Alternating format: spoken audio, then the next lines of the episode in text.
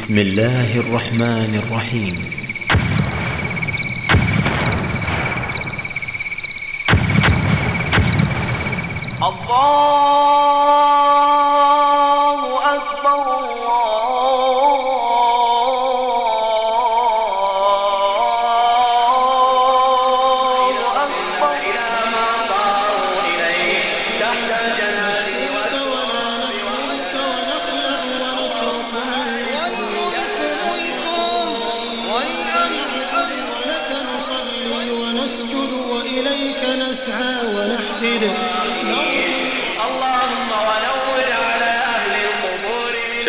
تتنزل فيه الرحمات وتتوالى فيه الخيرات وتعم فيه البركات وتزداد فيه الحسنات وتغفر الذنوب والسيئات وتتزود النفس بالإيمانيات. شهر كان سلفنا الصالح يدعو الله أن يبلغه إياه قبل ستة أشهر. ثم إذا صاموه دعوا الله أن يتقبله منهم ستة أشهر أخرى. شهر يضرب فيه العبد أروع صور المراقبة واستشعاره الدائم بحضور المولى عز وجل أمامه. فهو يراه ويعلم سره ونجواه. يعلم العبد أن تجف له الشفاه والأفواه وأن تنحني له في الليالي الطوال الجبال شهر رمضان الذي أنزل فيه القرآن هدى للناس وبينات من الهدى والفرقان. فمن شهد منكم الشهر فليصم ومن كان مريضا أو على سفر فعدة من أيام أخر يريد الله بكم اليسر ولا يريد بكم العسر. ولتكملوا العدة ولتكبروا الله على ما هداكم ولعلكم تشكرون. رمضان. تضحية وفداء. رمضان. عبادة واستغناء. رمضان. جهاد وبطولات. رمضان. إيثار ومكرمات. رمضان. توبة ورحمات. شهر جعله الله لذنوبكم تطهيرا.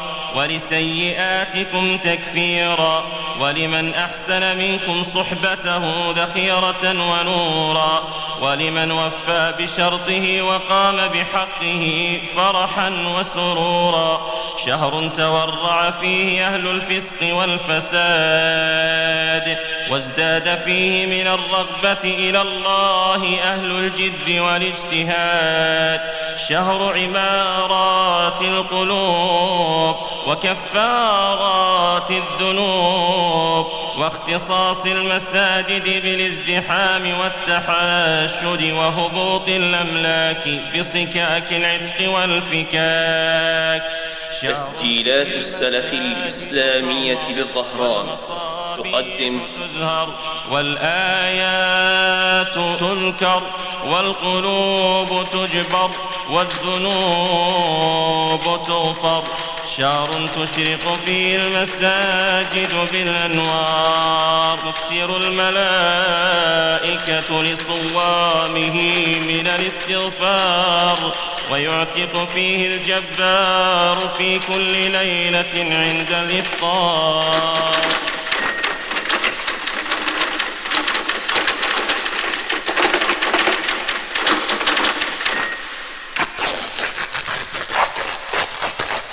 صفحات رمضانية. صفحات رمضانية نفحات إيمانية. آيات ربانية وهبات رحمانية. صفحات رمضانية نفحات إيمانية آيات ربانية وهبات رحمانية. صفحات رمضانية نفحات إيمانية.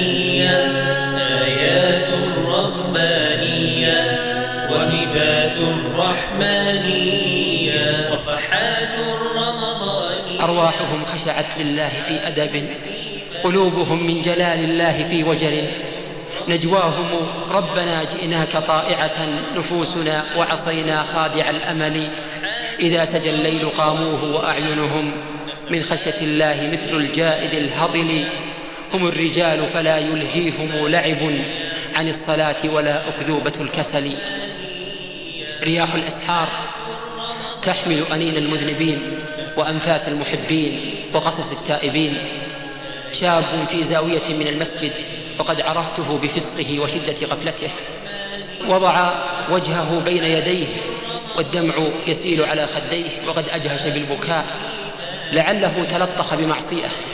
أو تذكر ما سلف من الذنوب والمعاصي. أثار التذكر أحزانه فثار وأبدى لنا شانه وقام وستر الدجى مسبل فأسبل بالدمع أجفانه وبكى ذنوبا له قد مضت فأبكى عداه وخلانه ومن لم يكن قلبه جمرة فهذا لعمرك قد كانه ومن ذا أحق بها من جهول تحقق لله عصيانه وأخلق في اللهو جثمانه كما أخلق الذنب إيمانه فلولا تفضل من فضله عرفناه قدما وعرفانه لعنا أي ظهر لعنا على وجهه آية تكون على الخزي عنوانه. رمضان هلال الخير رمضان زمان الطهر رمضان أوان البر شهر الرحمة والمهر. رمضان هلال الخير رمضان زمان الطهر رمضان أوان البر شهر الرحمة والمهر. رأيته سلمت عليه وفجأة أجهش بالبكاء وفاضت عيناه بالدمع أوجست في نفسي خيفة قلت ابتلي بموت قريب أو حبيب له أصيب. فقال بصوت كئيب جبر الله مصيبتك بخروج رمضان. انكسر قلبه وهطل دمعه وانتحب صوته. وقلت يا سبحان الله لكل محب حبيب. لكل محب حبيب ورمضان حبيب الصالحين. يا شهر رمضان ترفق دموع المحبين تدفق قلوبهم من ألم الفراق تشقق. بين الجوانح في الأعماق سكناه فكيف أنسى ومن في الناس ينساه؟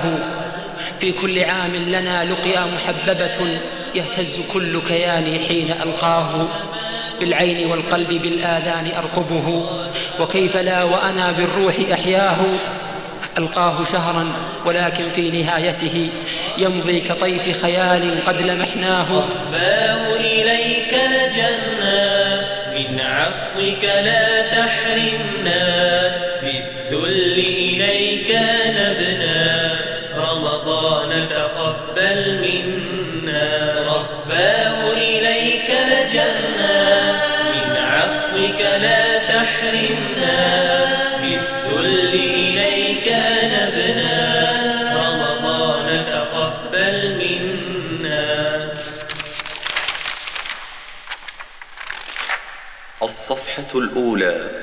من وحي التنزيل. يا أيها الذين آمنوا كتب عليكم الصيام كما كتب على الذين من قبلكم لعلكم تتقون. أياما معدودات. فمن كان منكم مريضا أو على سفر فعدة من أيام أخر. وعلى الذين يطيقونه فدية طعام مسكين. فمن تطوع خيرا فهو خير له وأن تصوموا خير لكم إن كنتم تعلمون. ثبت في الصحيحين عن أبي هريرة رضي الله عنه عن النبي صلى الله عليه وسلم قال كل عمل ابن آدم له الحسنة بعشر أمثالها إلى سبعمائة ضعف. قال الله عز وجل إلا الصيام فإنه لي وأنا أجزي به. إنه ترك شهوته وطعامه وشرابه من أجلي. للصائم فرحتان فرحة عند فطره وفرحة عند لقاء ربه. ولخلوف فم الصائم أطيب عند الله من ريح المسك. والصبر ثلاثة أنواع. صبر على طاعة الله وصبر عن محارم الله وصبر على أقدار الله المؤلمة. وتجتمع الثلاثة في الصوم. فإن فيه صبرا على طاعة الله وصبرا عما حرم الله على الصائم من الشهوات. وصبرا على ما يحصل للصائم فيه من ألم الجوع والعطش وضعف النفس والبدن.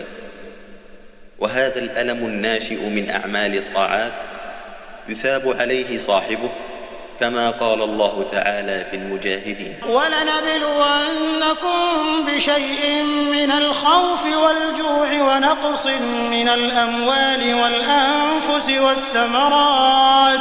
وبشر الصابرين. ولهذا المعنى كان دم الشهيد ريحه يوم القيامة كريح المسك. الذي شرفه الله وعظمه ورفع قدره وكرمه بالصيام والقيام وتلاوة القرآن ونزول الرحمة عليكم من الله والرضوان جعله الله مصباح العام. وواسطة النظام وشرف قواعد الإسلام المشرفة المشرقة بأنوار الصيام والقيام. فأي فضل أعظم من أن يفرض الله هذا الشهر العظيم على هذه الأمة كما فرضه على سائر الأمم؟ فما من أمة وما من نبي وما من كتاب نزل إلا وشرع الله لتلك الأمم كما شرع لهذه الأمة أمر الصيام لما قال عز وجل لعلكم تتقون. ومن رحمة الله عز وجل أن جعل هذا الموسم بمنزلة الدورة التدريبية التي يعقدها الله لأهل الإيمان في كل عام شهرا من أجل التدرب والتمرن على مواصلة العمل الصالح. فيتدرب المسلم على العبادات. نهاره صيام وليله تراويح وقيام. وبعدين يغض بصره عن الحرام ويكف سمعه عن الحرام ويصون بطنه وفرجه عن الحرام. فيتدرب خلال العام على أعمال خلال الشهر على أعمال الطاعات. فيخرج من رمضان وقد غفر الله له ذنبه. يقول عليه الصلاة والسلام والحديث أيضا في الصحيحين من صام رمضان إيمانا واحتسابا غفر له ما تقدم من ذنبه. أي فضل أعظم من هذا؟ الصفحة الثانية. مدارسة القرآن والاجتماع عليه في رمضان. يا أيها المزمل قم الليل إلا قليلا نصفه أو انقص منه قليلا أو زد عليه ورتل القرآن ترتيلا. وفي حديث فاطمة رضي الله عنها عن أبيها صلى الله عليه وسلم أنه أخبرها أن جبريل عليه السلام كان يعارضه القرآن كل عام مرة وأنه عارضه في عام وفاته مرتين. وفي حديث ابن عباس أن المدارسة بينه وبين جبريل كانت ليلة يدل على استحباب الإكثار من التلاوة في رمضان ليلة فإن الليل تنقطع فيه الشواغل ويجتمع فيه الهم. ويتواطأ فيه القلب واللسان على التدبر.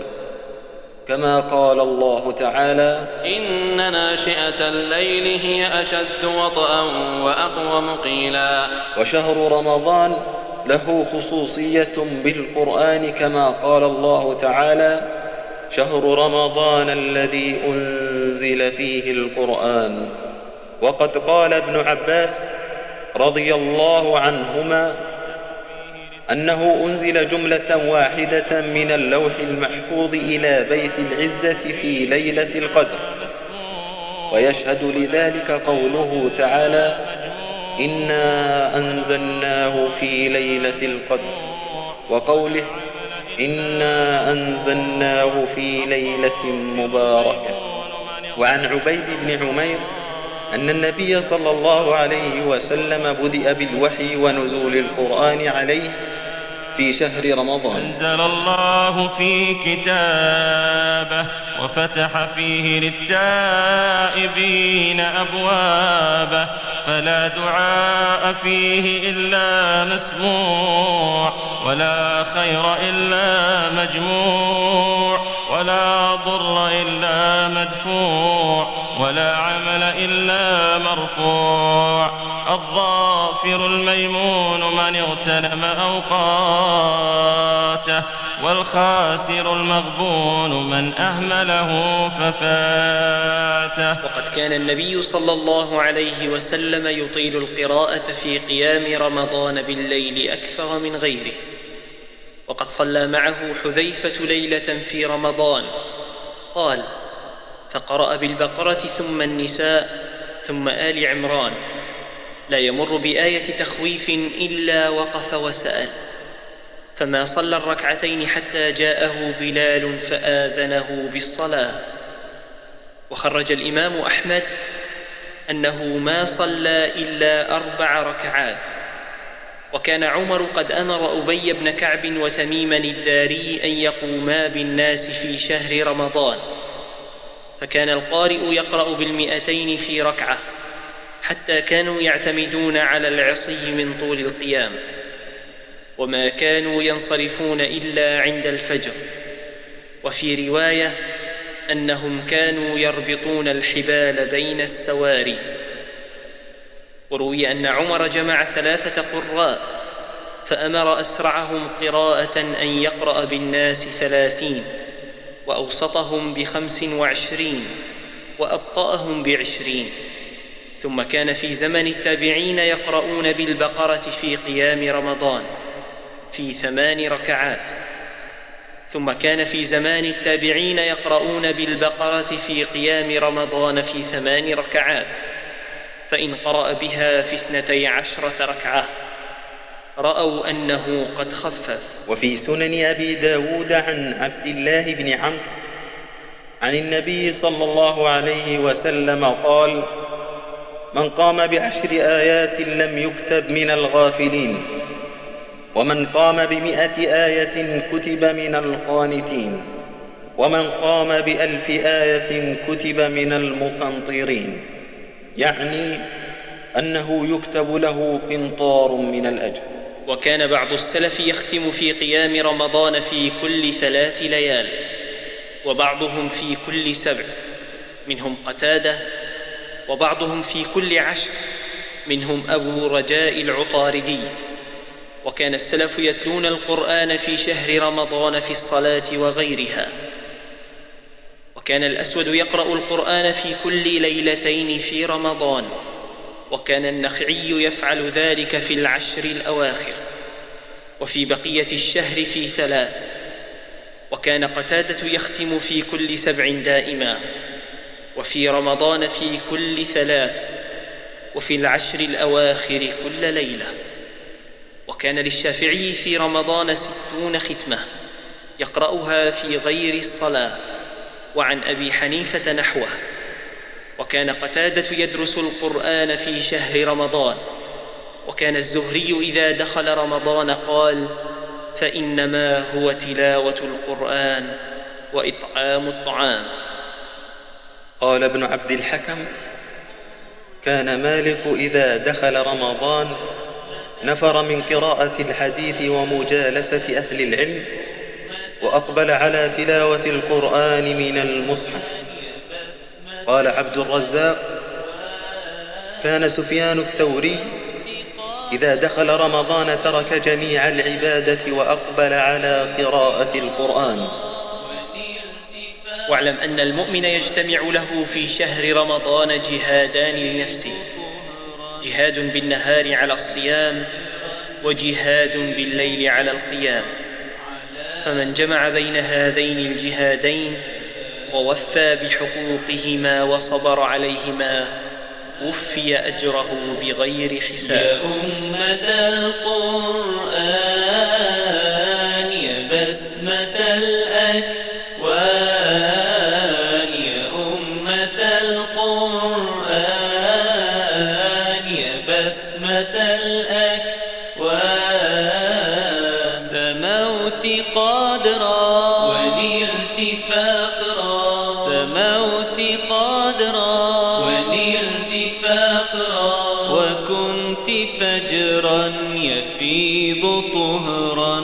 وكنت فجرا يفيض طهرا على مدى الأزمان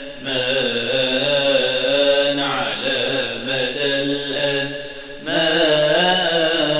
الطير شدا من طلعتنا وتساءل قال أحمد بن أبي الحواري إني لأقرأ القرآن وأنظر في آية فيحير عقلي بها. وأعجب من حفاظ القرآن. كيف يهنيهم النوم ويسعهم أن يشتغلوا بشيء من الدنيا وهم يتلون كلام الله؟ أم أنهم لو فهموا ما يتلون وعرفوا حقه وتلذذوا به واستحلوا المناجاة به لذهب عنهم النوم فرحا بما قد رزقوا. يهدي خطانا يروي ضمانا يهدي خطانا يروي ضمانا من بحر جودك يا ربي. القرآن ما نزل لكي يتلى فلا يتذكر التالي. ويسمع فلا يتذكر السامع. كم من قائم سمع الآيات فكانت عليه حجة. يوم يقوم العباد لرب العالمين. فالله الله أن تسمع في القرآن عظات لا تلقي لها بالا ولا تحسن الاستجابة لنداءاته ولا التفكير في آياته ولا التأثر لعظاته والمحروم من حرم ذلك. فوالله ثم والله من الشقاء كل الشقاء أن يحرم, أن يحرم العبد التذكر بالقرآن وإنه والله لمن السعادة كل السعادة أن يكون العبد متأثرا بالقرآن. كم من أقوام قاموا في رمضان تحركوا النفوس للتأثر بآيات القرآن. ما خرج رمضان إلا وهم خاشعون. كم من أناس أخذوا من رمضان ثمرات. كان منها الخشوع في الصلوات والتأثر لآيات القرآن. لذلك أحبتي في الله لك أيها القائم بين يدي الله تفكر. كم تمر علينا شهور كم تمر علينا أيام وليالي لا نقرأ القرآن إلا قليلا. فهذه فرصة هذه نعمة هذا موقف هذا موسم يهيئ العبد للتفكر في القرآن. لو أنزلنا هذا القرآن على جبل لرأيته خاشعا متصدعا. خاشعا متصدعا من خشية الله. وتلك الأمثال نضربها للناس لعلهم يتفكرون.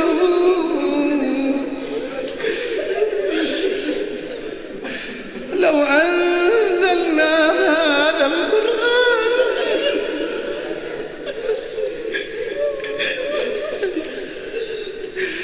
لو أنزلنا هذا القرآن على جبل لرأيته. لرأيته خاشعا متصدعا.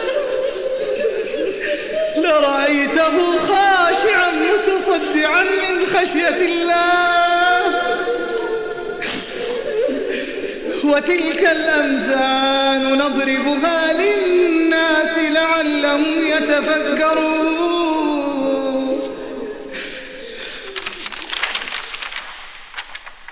الصفحة الثالثة. حال السلف في رمضان. من المؤمنين رجال صدقوا ما عاهدوا الله عليه. فمنهم من قضى نحبه ومنهم من ينتظر. وما بدلوا تبديلا. كان ابن عمر لا يفطر حتى يقدم معه اليتامى والمساكين. يقول أبو السواء العدوي كان رجال من بني عدي يصلون في هذا المسجد ما أفطر أحد منهم على طعام قط وحده وإن وجد من يأكل معه فرح وإلا خرج بطعامه إلى المسجد ليشاركه الناس في إفطاره شهر الفتوحة منا السلام وخفقة كان عبد الرحمن بن عوف رضي الله عنه من أغنى أغنياء الصحابة وكان صائما. فقدم له الطعام فجلس أمامه ينتظر الإفطار. وإذا به يجهش بالبكاء. فسألوه ما بالك يا عبد الرحمن؟ ألست بصاحب رسول الله؟ وقد بشرك بالجنة. وأنت وأنت وأنت. قال تذكرت مصعب بن عمير. وكنا نحن وإياه في مكة.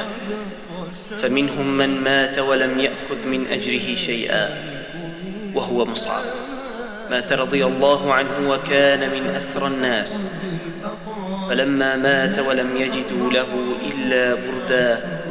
إذا غطوا رأسه بدت قدماه وإذا غطوا قدميه بدا رأسه. ونحن ممن أينعت لهم الدنيا فأصبح يهتكها. وإني والله أخشى أن أكون ممن عجلت لهم طيباتهم في الحياة الدنيا. وكان السلف رضي الله عنهم يأتون بصبيانهم إلى المسجد في العشر الأواخر من رمضان. حتى إذا نزلت بركات هذه الأيام شملت صغارهم وكبارهم رضي الله عنهم أجمعين. وعن بعض السلف أنه قال بلغنا أنه يوضع للصوام مائدة يأكلون عليها والناس في الحساب فيقولون يا رب نحن نحاسب وهم يأكلون. فيقال إنهم طالما صاموا وأفطرتم وقاموا ونمتم وقالت حفصة بنت سيرين قال أبو العالية الصائم في عبادة ما لم يغتب أحدا وإن كان نائما على فراشه. فكانت حفصة تقول يا حبذا عبادة وأنا نائمة على فراشي وقال بعض السلف طوبى لمن ترك شهوة حاضرة لموعد غيب لم يره. وقال جابر رضي الله عنه إذا صمت فليصم سمعك وبصرك ولسانك عن الكذب والمحارم. ودع ذا الجار وليكن عليك وقار وسكينة يوم صومك. ولا تجعل يوم صومك ويوم فطرك سواء. إذا ما الليل أظلم كابدوه فيسفر عنهم وهم ركوع. أطار الخوف نومهم فقاموا. وأهل الأمن في الدنيا هجوع. لهم تحت الظلام وهم سجود.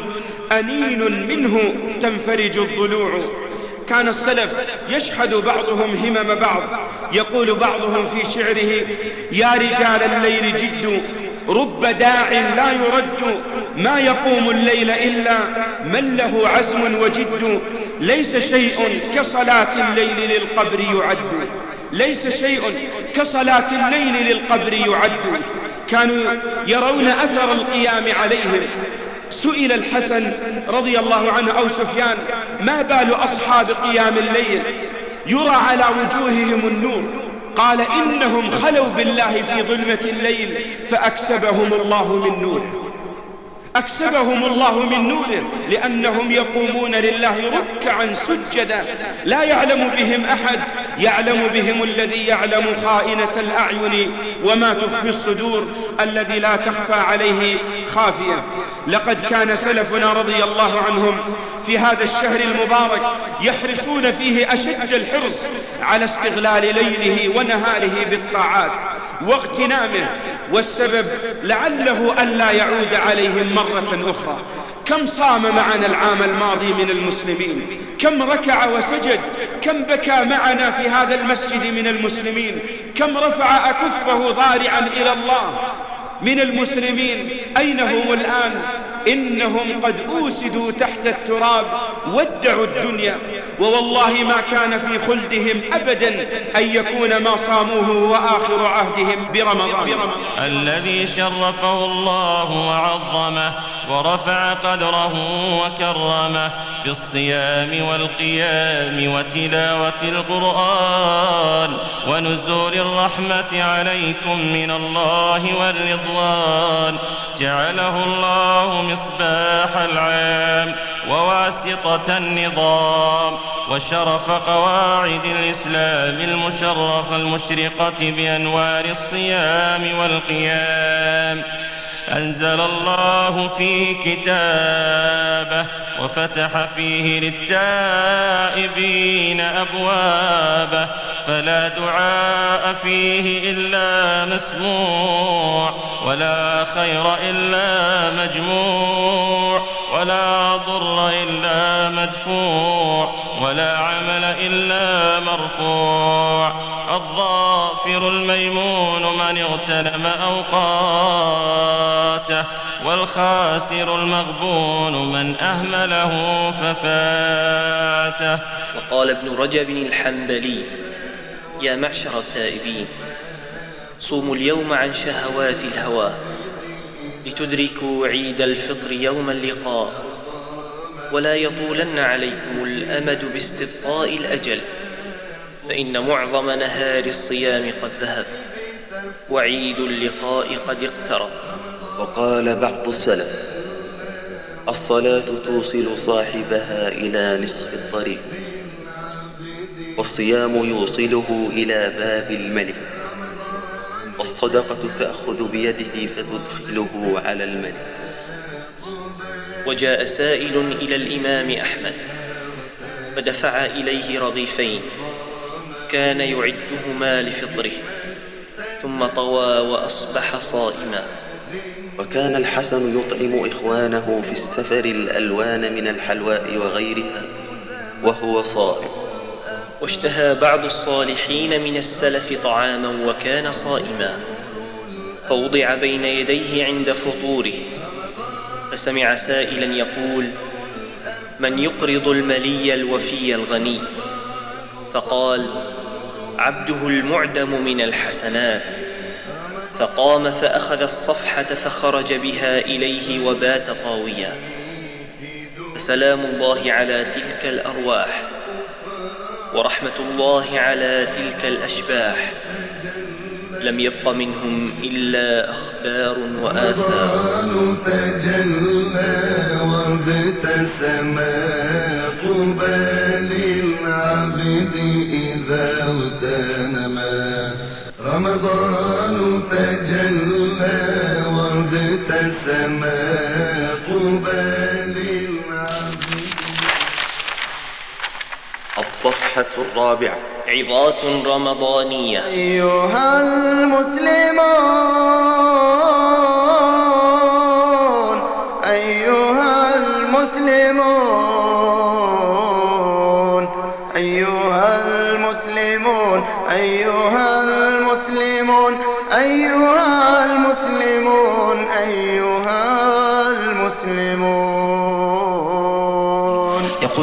سبحانه وتعالى ممتدحا المؤمنين تتجافى جنوبهم عن المضاجع يدعون ربهم خوفا وطمعا ومما رزقناهم ينفقون. ثم يأتي جزاؤهم من الله عز وجل في الآية التي بعدها حيث يقول الله سبحانه وتعالى فلا تعلم نفس ما أخفي لهم من قرة أعين جزاء بما كانوا يعملون. ويقول الله عز وجل ممتدحا المؤمنين أيضا في آية أخرى كانوا قليلا من الليل ما يهجعون وبالأسحار هم يستغفرون. ويقول الله سبحانه وتعالى مخاطبا نبيه صلى الله عليه وسلم ومن الليل فتهجد به نافلة لك عسى أن يبعثك ربك مقاما محمودا. وكان قيام الليل في بداية الدعوة فرضا على المؤمنين. وقد قال الله عز وجل في القرآن يا أيها المزمل قم الليل إلا قليلا نصفه أو انقص منه قليلا أو زد عليه ورتل القرآن ترتيلا. لماذا؟ إنا سنلقي عليك قولا ثقيلا. يقول الأستاذ سيد قطب رحمه الله معلقا على هذه الآيات حين يطول الأمد ويشق الجهد قد يضعف الصبر. الصبر على الطاعات والصبر على بطء النصر والصبر على بعد الشقة والصبر على انتفاش الباطل والصبر على قلة الناصر الصبر على طول الطريق الشائك والصبر على التواء النفوس وضلال القلوب وثقلة العناد. ثم يأتي الخطاب من الله عز وجل بهذا القول يا أيها المزمل قم الليل إلا قليلا. فكان الإعداد للقول الثقيل والتكليف الشاق والدور العظيم هو قيام الليل وترتيل القرآن. إنها العبادة التي تفتح القلب وتوثق الصلة بالله عز وجل وتيسر الأمر وتشرق بالنور وتفيض بالعزاء والسلوى والراحة والاطمئنان. إنها الروح والندى والظلال في الهاجرة. إنها اللمسة الحانية للقلب المتعب المكدود. إنها زاد الطريق ومدد الروح وجلاء القلب. إنها الانطلاقة من حدود الواقع الأرضي الصغير إلى مجال الواقع الكوني الكبير. وقد نجح النبي صلى الله عليه وسلم في دعوته ونجح صحابته رضي الله عنهم من بعده في هذه الدعوة لأنه كان لهم نصيب وأي نصيب من الليل. ولو تأملنا في سيرة المصطفى صلى الله عليه وسلم لنجد أن سيرته صلى الله عليه وسلم مليئة بتلك المواقف التي كان عليه الصلاة والسلام فيها يقوم الليل. روى ابن مردويه عن عطاء قال انطلقت أنا وابن عمر وعبيد بن عمرو إلى عائشة رضي الله عنها فدخلنا عليها وبيننا وبينها حجاب فقالت يا عبيد ما يمنعك من زيارتنا؟ قال قول الشاعر زر غبا تزدد حبا. فقال ابن عمر رضي الله عنه ذرينا أخبرينا بأعجب ما رأيته من رسول الله صلى الله عليه وسلم. فبكت الصديقة بنت الصديق وقالت والله إن أمره كله كان عجبا. أتاني في ليلة حتى مس, حتى مس جلده جلدي. ثم قال يا عائشة ذريني أتعبد لربي عز وجل. قالت فقلت والله إني لأحب قربك يا رسول الله وإني أحب أن تعبد ربك. فقام إلى القربة فتوضأ ولم يكثر وصب الماء ثم قام يصلي فبكى عليه الصلاة والسلام حتى بل لحيته. ثم سجد فبكى حتى بل الأرض ثم اضطجع على جنبه فبكى حتى إذا أتى بلال يؤذنه بصلاة الصبح. فقال يا رسول الله ما يبكيك وقد غفر الله لك ما تقدم من ذنبك. وما تأخر. فقال ويحك يا بلال وما يمنعني أن أبكي وقد أنزل الله علي في هذه الليلة؟ إن في خلق السماوات والأرض واختلاف الليل والنهار لآيات لأولي الألباب. وكان سفيان الثوري رحمه الله تعالى يقوم من الليل حتى يطلع الفجر. فإذا طلع الفجر وأصبح رفع رجليه ووضعهما على الحائط حتى ينزل الدم إلى باقي جسمه لكثرة وقوفه أمام الله عز وجل. وكما قيل أن طول الوقوف في الدنيا في قيام الليل إنه يهون ويقصر الوقوف بين يدي الله عز وجل في الآخرة. والله يا إخوة لو لم يجد الإنسان في قيام الليل إلا أن يبث شكواه لمولاه. والله يا أخوة أنها نعمة أن تقوم من نومك فتتوضأ ثم تكبر وتصلي وتسجد وتبكي أمام الله عز وجل. والله ما يدرك أن دمعة واحدة تخرج من عينك ولكن تخرج بصدق وتخرج من قلب محب لله عز وجل خائف وجل من الله عز وجل. لعلها هي المنجية من جهنم. أعاذنا الله وإياكم منها. أما الأسباب الميسرة لقيام الليل يا أحبة فهي نوعان أسباب حسية وأسباب قلبية. أما الأسباب الحسية فهي ألا يكثر الإنسان الأكل لأن الإنسان إذا أكثر الأكل أكثر من الشرب فإذا أكثر من الشرب أكثر من النوم فإذا أكثر من النوم ثقل عليه القيام. وكذلك يا أخوة من الأمور الميسرة أيضا لقيام الليل القيلولة فإن الإنسان إذا نام بالنهار وخصوصا قبيل صلاة الظهر فإنها تعينه على الاستيقاظ آخر الليل. وكذلك إخوة وهي من أهم الأمور التدرج في قيام الليل.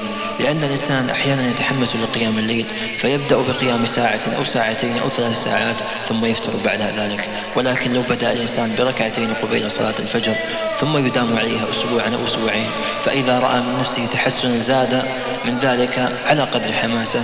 وكذلك يا أخوة من أهم الأمور التي تعين على قيام الليل اجتناب المعاصي. والله يا أخوة إن الإنسان أحيانا يذنب بالذنب فيحرمه الله سبحانه وتعالى الطاعة أو قد ييسر له الطاعة ولكن يحرمه اللذة. ويكفينا قول سفيان الثوري رحمه الله حرمت قيام الليل ستة أشهر بسبب ذنب أذنبته. ذنب واحد أذنبه. وصدق الإمام ابن تيمية رحمه الله حينما كان يتكلم عن أولئك السلف فقال قلت ذنوبهم فعلموا من أين أتوا وسأل رجل الحسن البصري فقال يا إمام إني أنام مبكرا وأعد وضوئي وطهوري وأكون يعني عازما على على قيام الليل ثم يفوتني قيام الليل. فقال له الحسن البصري رحمه الله قيدتك ذنوب قيدتك ذنوبك. إي والله يا إخوة والله إن الذي حرمنا من قيام الليل هو ذنوبنا وكثرة معاصينا وبعدنا عن الله عز وجل. أما الأسباب القلبية يا أحبة التي تعين على قيام الليل فأولها سلامة القلب لجميع المسلمين. بأن الإنسان إذا نام ينام وقد صفى قلبه ونقى قلبه لجميع المسلمين ولا يجعل في قلبه غلا ولا حقدا على أي أحد من المسلمين. وكذلك من الأمور المهمة الشوق إلى لقاء الله عز وجل والشوق إلى مناجاة الله سبحانه وتعالى وأن يعرف فضل قيام الليل. والله يا أحبة إن المتأمل في حياة السلف الصالح رضي الله عنهم ليجدوا أنه كان من أقوى الأمور وأقوى البواعث التي تعينهم على قيام الليل هو شوقهم إلى لقاء الله وإحساسهم باللذة بذلك. قال أبو سليمان الداراني رحمه الله تعالى لو عوض الله أهل الليل من ثواب أعمالهم ما يجدونه من اللذة لكان ذلك أكثر من ثواب أعمالهم. وكان بعض الزهاد رحمه الله يقول إن الله تعالى ينظر بالأسحار إلى قلوب المتيقظين فيملأها أنوارا فترد الفوائد على قلوبهم فتستنير بها ثم تنتشر من قلوبهم العوافي إلى قلوب الغافلين. وشكى بعض الزهاد إلى أستاذه طول الليل وطلب, وطلب حينة يجلب بها النوم. فقال أستاذه يا بني إن لله نفحات في الليل والنهار تصيب القلوب المتيقظة وتخطئ القلوب النائمة. فتعرض يا بني لتلك النفحات واعلم أن هذه النفحات بالليل أرجى لما في قيام الليل من صفاء القلوب واندفاع الشواغل. وسئل الحسن البصري رحمه الله تعالى ما بال المتهجدين من أحسن الناس وجوها؟ فقال لأنهم خلوا بالرحمن فألبسهم نورا من نوره وقال الإمام حسن البنا رحمه الله دقائق الليل غالية. فلا ترخصوها بالغفلة. ونختم يا أخوة بقول الشاعر يا ليل قيامك مدرسة فيها القرآن يدرسني. معنى الإخلاص فألزمه نهجا بالجنة يجلسني. ويبصرني كيف الدنيا بالأمل الكاذب تغمسني. مثل الحرباء تلونها بالإثم تحاول تطمسني. فأباعدها وأعاندها وأراقبها تتهجسني. فأشد القلب بخالقه والذكر الدائم يحرسني أسأل الله سبحانه وتعالى أن يعيننا وإياكم على قيام الليل وأن يرزقنا لذة مناجاته إنه سميع مجيب. وصلى الله وسلم على نبينا محمد وعلى آله وصحبه أجمعين. يوم كان الكتاب في قلوب الشباب هاديا للصواب يستذل الصعاب. يوم كان الكتاب. الصفحة الخامسة. فتاوى رمضانية. وما أرسلنا من قبلك إلا رجالا نوحي إليهم. فاسألوا أهل الذكر إن كنتم لا تعلمون بالبينات والزبر. وأنزلنا إليك الذكر لتبين للناس ما نزل إليهم ولعلهم يتفكرون. سئل فضيلة الشيخ المنجد عن رجل أغمي عليه مدة طويلة خلال شهر رمضان ثم أفاق فماذا عليه؟ إذا كان غاب عن الوعي أياما مدة من الشهر غاب عن وعيه فإنه لا قضاء عليه ولا كفارة لأنه مثل المجنون الذي فقد عقله أشبه بالمجنون. فاقد العقل ولأجل ذلك لا تكليف في تلك الحالة أثناء الغيبوبة فلا عليه قضاء ولا كفارة ولا يصوم عنه أحد. وأما إذا كان رجع إليه الوعي أثناء أثناء النهار أغمي عليه أثناء النهار ورجع إليه الوعي أثناء النهار فإنه يقضي هذا اليوم فإنه يقضي يصوم هذا اليوم إذا استطاع وإلا يقضيه. يقضيه. سئل فضيلة الشيخ المنجد عن شخص مصاب بقرحة معدية ونهاه الطبيب عن الصيام لمدة خمس سنين فماذا عليه؟ إذا كان الطبيب الذي نهاه عن الصوم ثقة مأمونا خبيرا في طبه فيتعين السمع والطاعة لنصحه فيتعين السمع والطاعة لنصحه وذلك بإفطاره في رمضان حتى يجد القدرة والاستطاعة على الصوم لقوله تعالى ومن كان منكم مريضا أو على سفر فعدة من أيام أخر. سئل فضيلة الشيخ المنجد عن حكم العاجز عن الصيام عجزا كليا لمرض لا يرجى شفاؤه أو لكبر سنه. عليه أن يطعم عن كل يوم مسكينا نصف صاع من قوت البلد يعني لو قدرناه مثلا بكيلو ونصف من الأرز فهذا كافي يجعل معه شيئا من الإدام عن اليوم الواحد. فإذا كان أراد أن يطعمهم مطبوخا أعطاهم وجبات ثلاثين وجبة لثلاثين مسكين سواء دعاهم إلى بيته فغداهم أو عشاهم قبل الشهر غداهم مثلا أو بعد الشهر أو عشاهم في أثناء الشهر. أو عشاهم إذا كانوا صائمين في أثناء الشهر. فهذا يكفي كما كان أنس بن مالك رضي الله عنه يفعل لما كبر ولم يكن يطق الصوم كان يدعو الفقراء يدعو ثلاثين مسكينا يطعمهم. وأما إذا كان يريد أن يعطي الأكل غير مطبوخ فإنه يخرج نصف صاع من قوت البلد مثل كيلو نصف من الأرز تقريبا عن اليوم الواحد. فإذا الشهر لو كان ثلاثين يوم فكم فيه تقريبا؟ كيس من الرز خمس, خمس وأربعون من الكيلوغرامات. مع شيء من اللحم أو الدجاج مثلا يعطيه للفقراء. هل يجب أن يعطي عن كل يوم طعام مسكين في كل يوم أو يجوز أن يجمعها في أول الشهر أو يجعلها في آخر الشهر؟ أو يجعلها متفرقة بعضها في أوله وبعضها في وسطه وبعضها في آخره أو يجعلها بعد بعد رمضان تماما. فنقول كل ذلك جائز ولله الحمد. تدوم لنا النعم ويزول عن القلب الندم. بالحمد تدوم لنا النعم ويزول عن القلب الندم. يا رب الكون وباريه ونلتزم أعطيت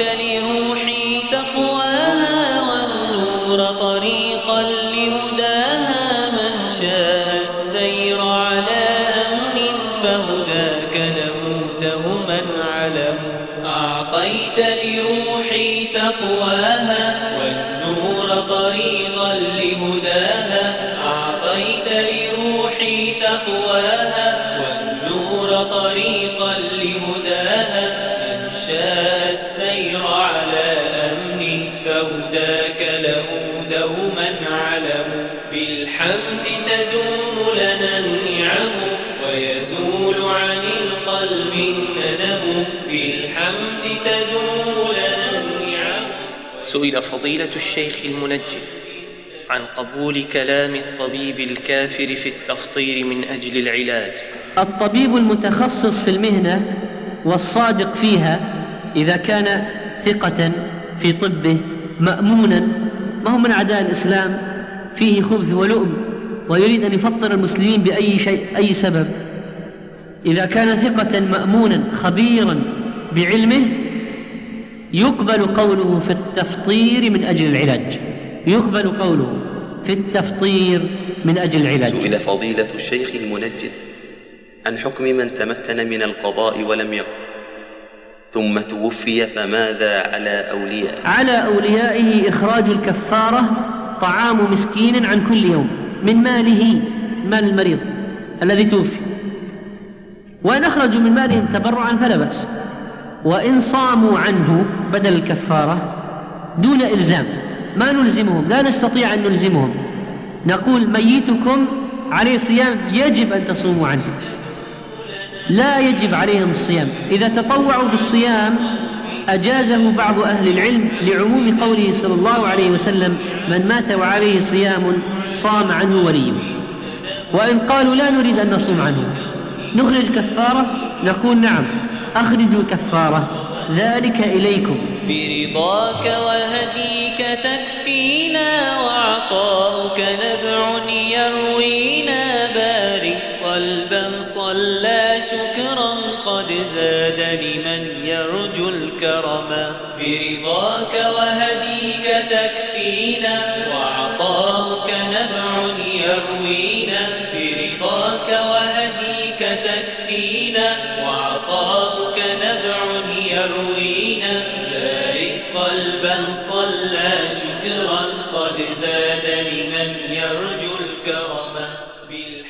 سئل فضيلة الشيخ المنجد عن حكم رجل يعمل في سيارات الأجرة ويسافر باستمرار فهل له أن يفطر؟ يجوز للمسافر الفطر في رمضان سواء كان سفره طارئا لغرض أو مستمرا كسائقي الطائرات وسيارات الأجرة لقوله تعالى أو على سفر فعدة من أيام أخر لكن عليه أن يقضي بعد ذلك. فهل يجوز له سائقي الشاحنات والسيارات نعم يجوز له الإفطار ولو كان عملهم في سفر في سفر. فهؤلاء إذا رجعوا إلى بلدهم فإنهم فإنهم يقضون ما عليهم. سئل فضيلة الشيخ المنجد عن المعذور. هل يجوز له أن يجاهر في الإفطار؟ يجوز إذا ظهر عذره. فالمريض فالمريض والكبير الطاعن في السن الذي لا يستطيع الصيام عذرهما ظاهر من رآه ما عرف فهذا لا يمكن أن يشتبه فيه. ولا تحصل مفسدة بمجاهرته بفطره فإذا جاهر بفطره ما عليه شيء. أما إذا كان سبب فطره خفيا كالحائض أما إذا كان سبب فطره خفيا عذره خفيا كالحائض. فإنه يفطر سرا لئلا يجر التهمة إلى نفسه من جهة أو اغتر به الجاهل فيظن أنه ما فيها شيء أو يتجرأ به الفاسق أو يتجرأ به الفاسق.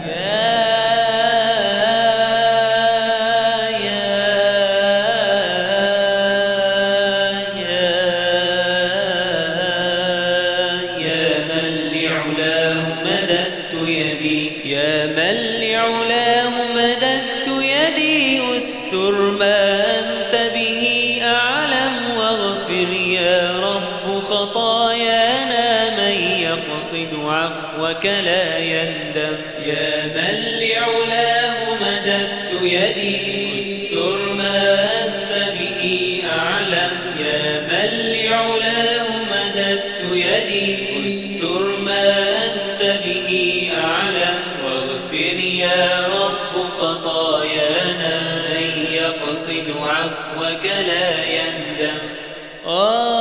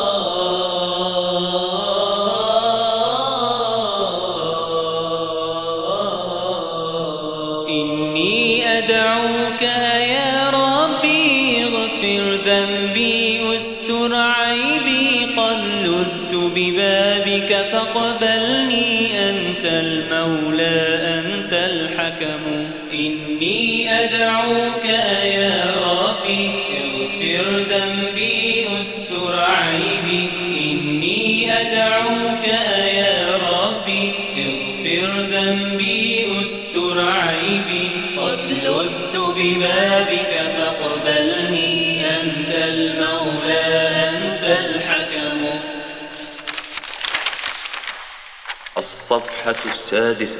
المرأة في رمضان. وثبت عن فاطمة رضي الله عنها وأرضاها فاطمة بنت محمد صلى الله عليه وسلم أنها كانت تقوم حتى تتعب وربما ربطت حبلا لكي تعتمد عليه عند تعبها. للنساء. ويروى أن الحسن بن صالح كان هو وأخوه وأمه يتقاسمون الليل. يصلي الحسن ثلثا ويصلي أخوه ثلثا وتصلي الأم ثلثا. فلما ماتت الأم تناصف هو وأخوه الليل فكان الحسن يقوم نصفه ويقوم أخوه النصف الآخر. فلما مات أخوه قام الحسن بن صالح الليل كله. للنساء. وكان لدى الحسن بن صالح رحمه الله تعالى هذا له جارية. فاشتراها منه بعضهم فلما انتصف الليل انتصف الليل عند من اشتروها قامت تقول الصلاة الصلاة ففزعوا وقالوا أأذن الفجر؟ فقالت لهم أولا تصلون إلا الفريضة؟ وعندما أصبحت رجعت إلى سيدها الحسن بن صالح وقالت له لقد بعتني إلى قوم سوء لا يصلون إلا الفريضة ولا يصومون إلا الفريضة فردني فردها إليه. يا أيها النبي قل لأزواجك إن كنتن تردن الحياة وزينتها فتعالين أمتعكن وأسرحكن سراحا جميلا. وإن كنتن تردن الله ورسوله والدار الآخرة فإن الله أعد للمحسنات منكن أجرا عظيما. المقصود يا أختي المسلمة كيف تعيشين رمضان حقا كما ينبغي؟ مستغلة كل لحظة فيه بأداء طاعة تتقربين بها إلى الله عز وجل. لتفهمي حقا معنى هذا الشهر الكريم وتستفيدي منه بإصلاح نفسك وتزكيتها في بقية الشهور. وليس المقصود أن تكوني كبعض نساء اليوم عابدة في رمضان. لاهية في غيره. وأنت التي لا يخفاك أن رب رمضان هو رب سائر الشهور والأعوام. هل أدركت معنى هذا الشهر العظيم؟ وهل عرفت أي فضل تفضل الله به علينا؟ وهل ترغبين بنيل ذلك الأجر كله في الصيام؟ لا أظنك تترددين. وإذا أردت ذلك فما عليك إلا أن تشمري عن ساعد الجد وتعملي بهمة ونشاط. لتكوني إحدى الفائزات بتلك الجوائز العظيمة. نسأل الله عز وجل ألا يحرمنا أحدها. البرنامج اليومي للأخت المسلمة في رمضان. قبل أن تسمعي لاحظي. الملاحظة الأولى. يحتاج تطبيق ما جاء في هذا البرنامج إلى إخلاص ونية صادقة وإلى عزم وإرادة قوية لمواصلة البرنامج. الملاحظة الثانية لا يلزم التقيد بما جاء فيه بل يمكنك التغيير أو التقديم والتأخير كل حسب قدرته واستطاعته. الملاحظة الثالثة قد لا تستطيع ربة الأسرة الكبيرة نظرا لما لديها من مسؤوليات كثيرة الإتيان بكل ما في البرنامج وهي مأجورة إن شاء الله على عملها لبيتها وأولادها ولكن عليها أن تحاول قدر ما تستطيع وأن تسأل الله الإعانة والبركة في الأوقات وفيها وفي أمثالها عبرة لمن ليست ذات مسؤوليات واغتنم فراغك قبل شغل الملاحظة الرابعة. يصعب تطبيق هذا البرنامج على من يقلب فطرة الله. فيجعل الليل نهارا والنهار ليلا. الفجر. أداء صلاة الفجر في وقتها. ثم أذكار الصلاة وبعدها أذكار الصباح. الجلوس بعد صلاة الفجر إلى أن تشرق الشمس. تذكرين الله تعالى وتقرؤين القرآن ثم تصلين ركعتين وهي سنة الإشراق. فإن فعلت ذلك كنت كأنك أديت حجة وعمرة تامة. تامة. وذلك في كل يوم كما ورد في الحديث الصحيح. النوم بعدها مع الاحتساب فيه. أي إني آخذ راحة حتى أنشط على عبادة الله. الاستيقاظ قبل الظهر بحيث لا يفوتك أن تصلي صلاة الضحى ولو ركعتين فهي صلاة الأوابين ومن أداها كأنما تصدق عن كل مفصل في جسده.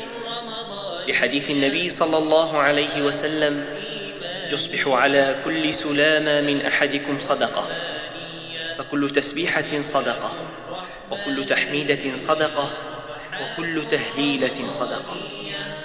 وكل تكبيرة صدقة وأمر بالمعروف صدقة ونهي عن المنكر صدقة. ويجزئ من ذلك ركعتان يركعهما من الضحى.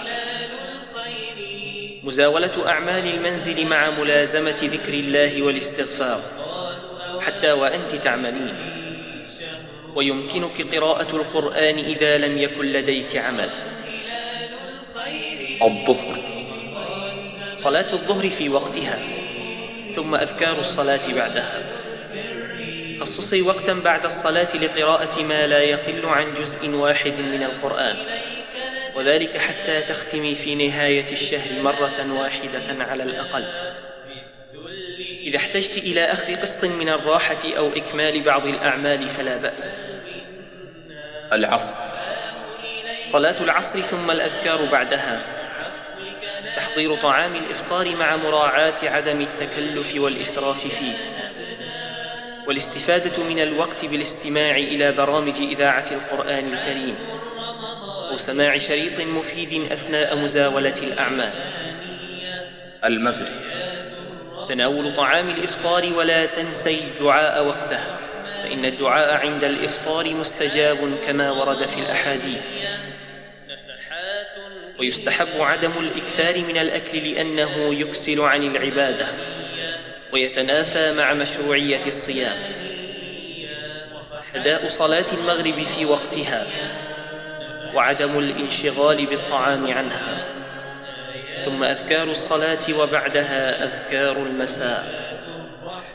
الاجتماع مع الأسرة والأهل وتدارس ما يفيد مع الحرص على الابتعاد عن كل المحرمات.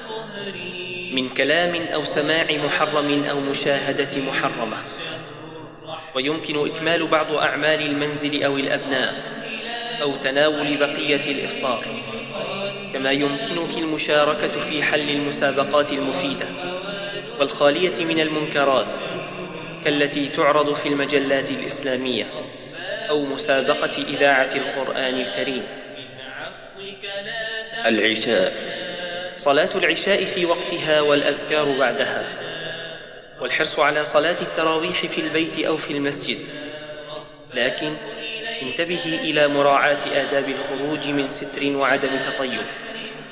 بعد التراويح يمكنك زيارة الأقارب والجيران والأصحاب مع الاستفادة من الوقت بقراءة كتيب عليهم أو تعليمهم أحكام الصيام أو قراءة بعض الفتاوى الخاصة بالنساء. كأحكام الطهارة والحيض والنفاس وغيره ولا أقل من أن تجتنبي الكلام المحرم كالغيبة مثلا. إعداد طعام السحور وتفقد أحوال الأبناء خصوصا أبناء المدارس ثم النوم المبكر. تجنبي السهر واحرصي على نوم الليل لأن فيه خير وصحة وبركة. لا تنسي عند النوم تطبيق سنة النبي صلى الله عليه وسلم كالنوم على طهارة وعلى الجانب الأيمن وذكر أدعية النوم. إذا كنت لا تستطيعين الاستيقاظ قبل الفجر فصلي الوتر قبل النوم. الاستيقاظ قبل الفجر لصلاة التهجد ولو كانت قليلة. في الثلث الأخير من الليل ينزل ربنا تبارك وتعالى إلى السماء الدنيا ويقول هل من مستغفر فأغفر له؟ هل من داع فأستجيب له؟ هل من سائل فأعطيه؟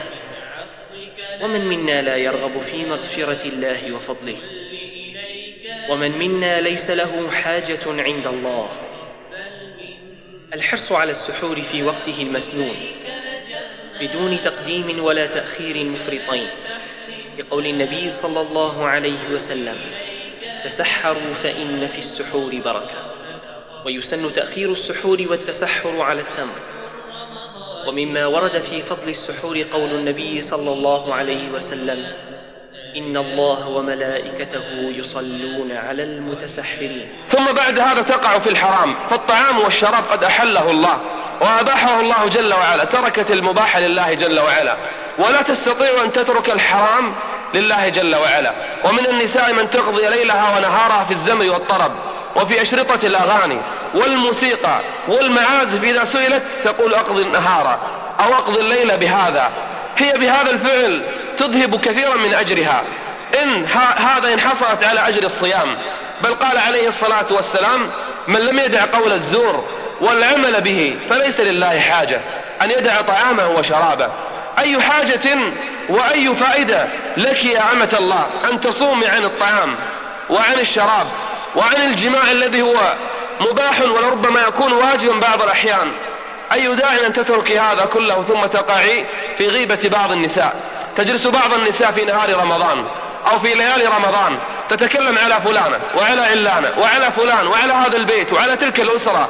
هي صامت وأفطرت على لحوم البشر. الصفحة السابعة. خواطر في العيد. واعلموا رحمكم الله أنكم فارقتم شهرا عظيما متفضلا كريما. أين الصوام القوام؟ أين الصوام القوام الموافقون لكم في سالف الأعوام؟ وأين من كانوا معكم ليالي شهر رمضان شاهدين؟ وفي كل حق لله معاملين. من الآباء والأمهات والإخوة والأخوات والجيرة والقرابات أتاهم الله هادم اللذات وقاطع الشهوات ومفرق الجماعات فأخلى منهم المشاهد وعطل منهم المساجد. تراهم في بطون الألحاد صرعا لا يجدون لما هم فيه دفعا ولا يملكون لأنفسهم ضرا ولا نفعا. العيد فرصة ذهبية لا تعوض لبدء صفحة جديدة بين الأقارب والزوجين. وبين كل متخاصمين. لنبدأ صفحة جديدة مفعمة بالحب والتراحم. وأول سطر في هذه الصفحة هو نسيان الماضي. فما أجمل أن يفاجئ الزوج زوجته بهدية يوم العيد ويشكرها على بذلها في رمضان وإنهاك جسدها بإعداد الفطور والسحور والولاء. وما أجمل أن تهدي الزوجة هدية إلى زوجها. تجدد له فيها حبها له ووفاءها وإخلاصها. وما أجمل أن يرفع كل مسلم سماعة الهاتف ويهنئ بالعيد كل قريب وزميل وليبدأ بمن خاصمه أو جافاه وخيرهما الذي بدأ بالسلام. من السنة أن يأكل بعض تمرات قبل الذهاب إلى صلاة العيد. ويسن أن تكون وترا يعني عددا فرديا ثلاثا أو خمسا أو سبعا وهكذا. ويسن كذلك أن يذهب من طريق ويرجع من آخر. والسبب هو حتى تشهد له الملائكة يوم القيامة. نحن نفرح بالعيد ونشتري لأولادنا الهدايا. ونذهب بهم إلى أماكن الترفيه. وفي نفس الوقت يوجد في المجتمع عوائل فقيرة. قد وقف أطفالهم عند عتبات البيوت وشاشات التلفاز. ينظرون إلى الأطفال وقد لبسوا الملابس الجيدة ومعهم الهدايا. يقفون وقد اغرورقت عيونهم بالدموع. فمن يمسح هذه الدموع ويحول دمعة الحزن والفقر إلى دمعة فرح وسرور؟ فحبذا لو تفقدنا الفقراء قبل العيد وأعطيناهم بعض المال ومن أعظم القربات إلى الله تعالى سرور تدخله إلى قلب مسلم. لعلنا نكتفي بمشاعر هذه الطفلة المتشردة. وهي تخاطب هلال العيد وتتمنى أنه لم يأتي فتقول له غب يا هلال إني أخاف عليك من قهر الرجال. قف من وراء الغيم لا تنشر ضياءك فوق أعناق التلال. غب يا هلال إني لأخشى أن يصيبك حين تلمحنا الخبال. أنا يا هلال أنا طفلة عربية فارقت أسرتنا الكريمة. لي قصة دموية الأحداث باكية أليمة. أنا يا هلال أنا من ضحايا الاحتلال. أنا من ولدت وفي فمي ثدي الهزيمة. شاهدت يوما عند منزلنا كتيبة. في يومها كان الظلام مكدسا من حول قريتنا الحبيبة. في يومها ساق الجنود أبي وفي عينيه أنهار حبيسة. وتجمعت تلك الذئاب الغبر في طلب الفريسة. ورأيت جنديا يحاصر جسم والدتي بنظرته المريبة. ما زلت أسمع يا هلال. ما زلت أسمع صوت أمي وهي تستجدي العروبة. ما زلت أبصر خنص خنجرها الكريم. صانت به الشرف العظيم. مسكينة أمي فقد ماتت. وما علمت بموتتها العروبة. إني لأعجب يا هلال. يترنح المذياع من طرب وينتعش القدح وتهيج موسيقى المرح والمطربون يرددون على مسامعنا ترانيم الفرح وبرامج التلفاز تعرض لوحة للتهنئة. عيد سعيد يا صغار. والطفل في لبنان يجهل منشأه وبراعم الأقصى عرايا جائعون واللاجئون يصارعون الأوبئة. غب يا هلال غب يا هلال. قالوا ستجلب نحونا العيد السعيد عيد سعيد. والأرض, والأرض ما زالت مبللة الثرى بدم الشهيد. والحرب ملت نفسها وتقززت ممن تبيد. عيد سعيد في قصور المترفين. عيد سعيد في قصور المترفين. عيد شقي في خيام اللاجئين. هرمت خطانا يا هلال. ومدى السعادة لم يزل عنا بعيد. غب يا هلال. لا تأتي بالعيد السعيد مع الأنين. لا تأتي بالعيد السعيد مع الأنين. أنا لا أريد العيد مقطوع الوتين. أتظن أن العيد في حلوى وأثواب جديدة. أتظن أن العيد تهنئة تسطر في جريدة. غب يا هلال واطلع علينا حين يبتسم الزمن وتموت نيران الفتن. اطلع علينا حين يورق بابتسامتنا المساء. ويذوب في طرقاتنا ثلج الشتاء. اطلع علينا بالشذا بالعز بالنصر المبين. اطلع علينا بالتئام الشمل بين المسلمين. هذا هو العيد السعيد. وسواه ليس لنا بعيد. غب يا هلال. حتى ترى رايات أمتنا ترفرف في شمم. فهناك عيد. أي عيد؟ وهناك يبتسم الشقي مع السعيد. الصفحة الثامنة.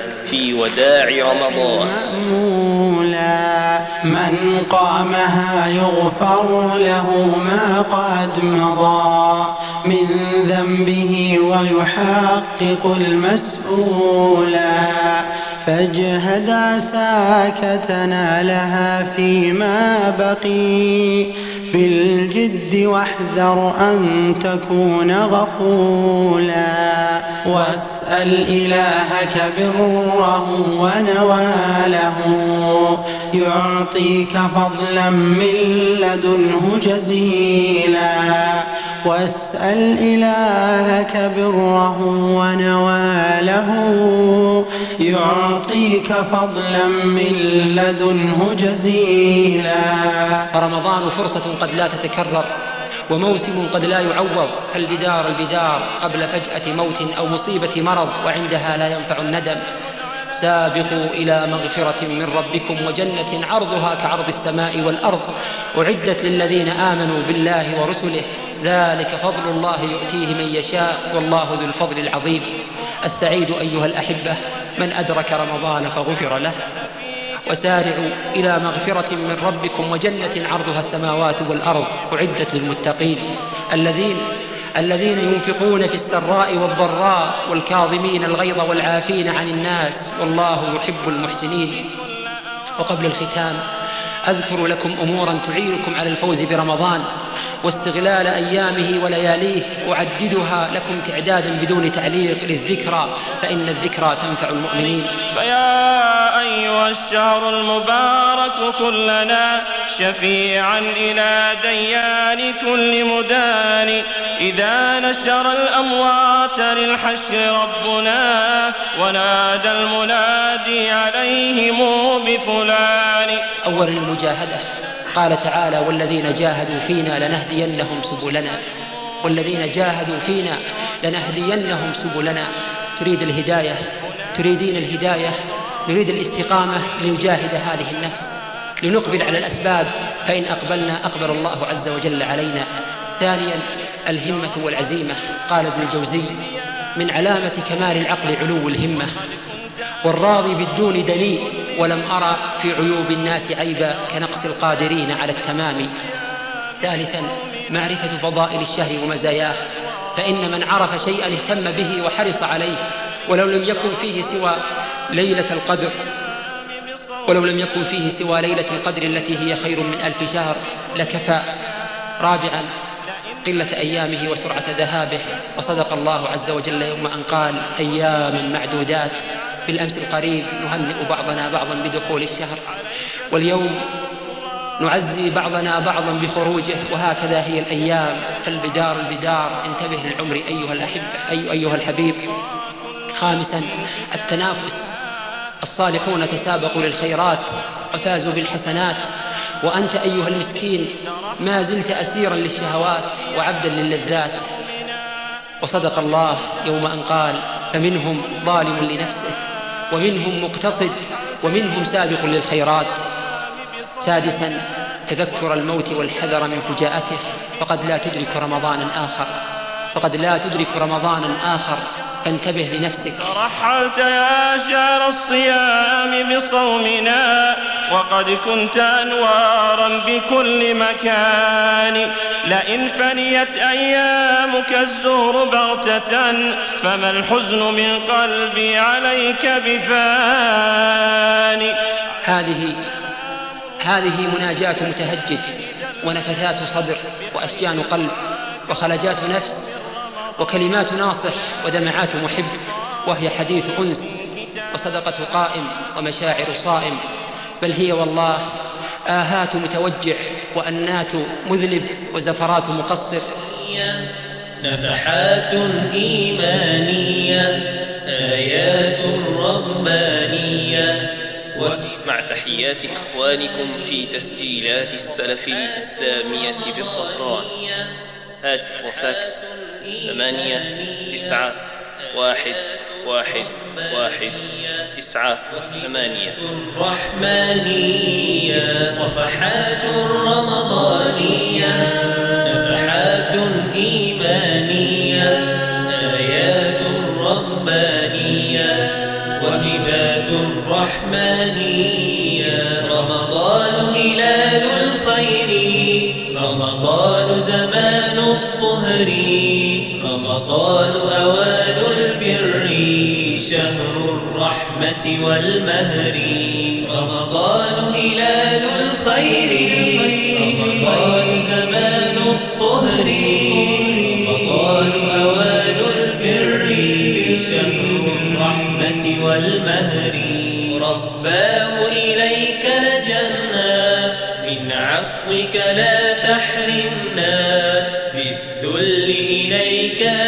نبنا رمضان تقبل منا. رباه إليك لجأنا من عفوك لا تحرمنا. بالذل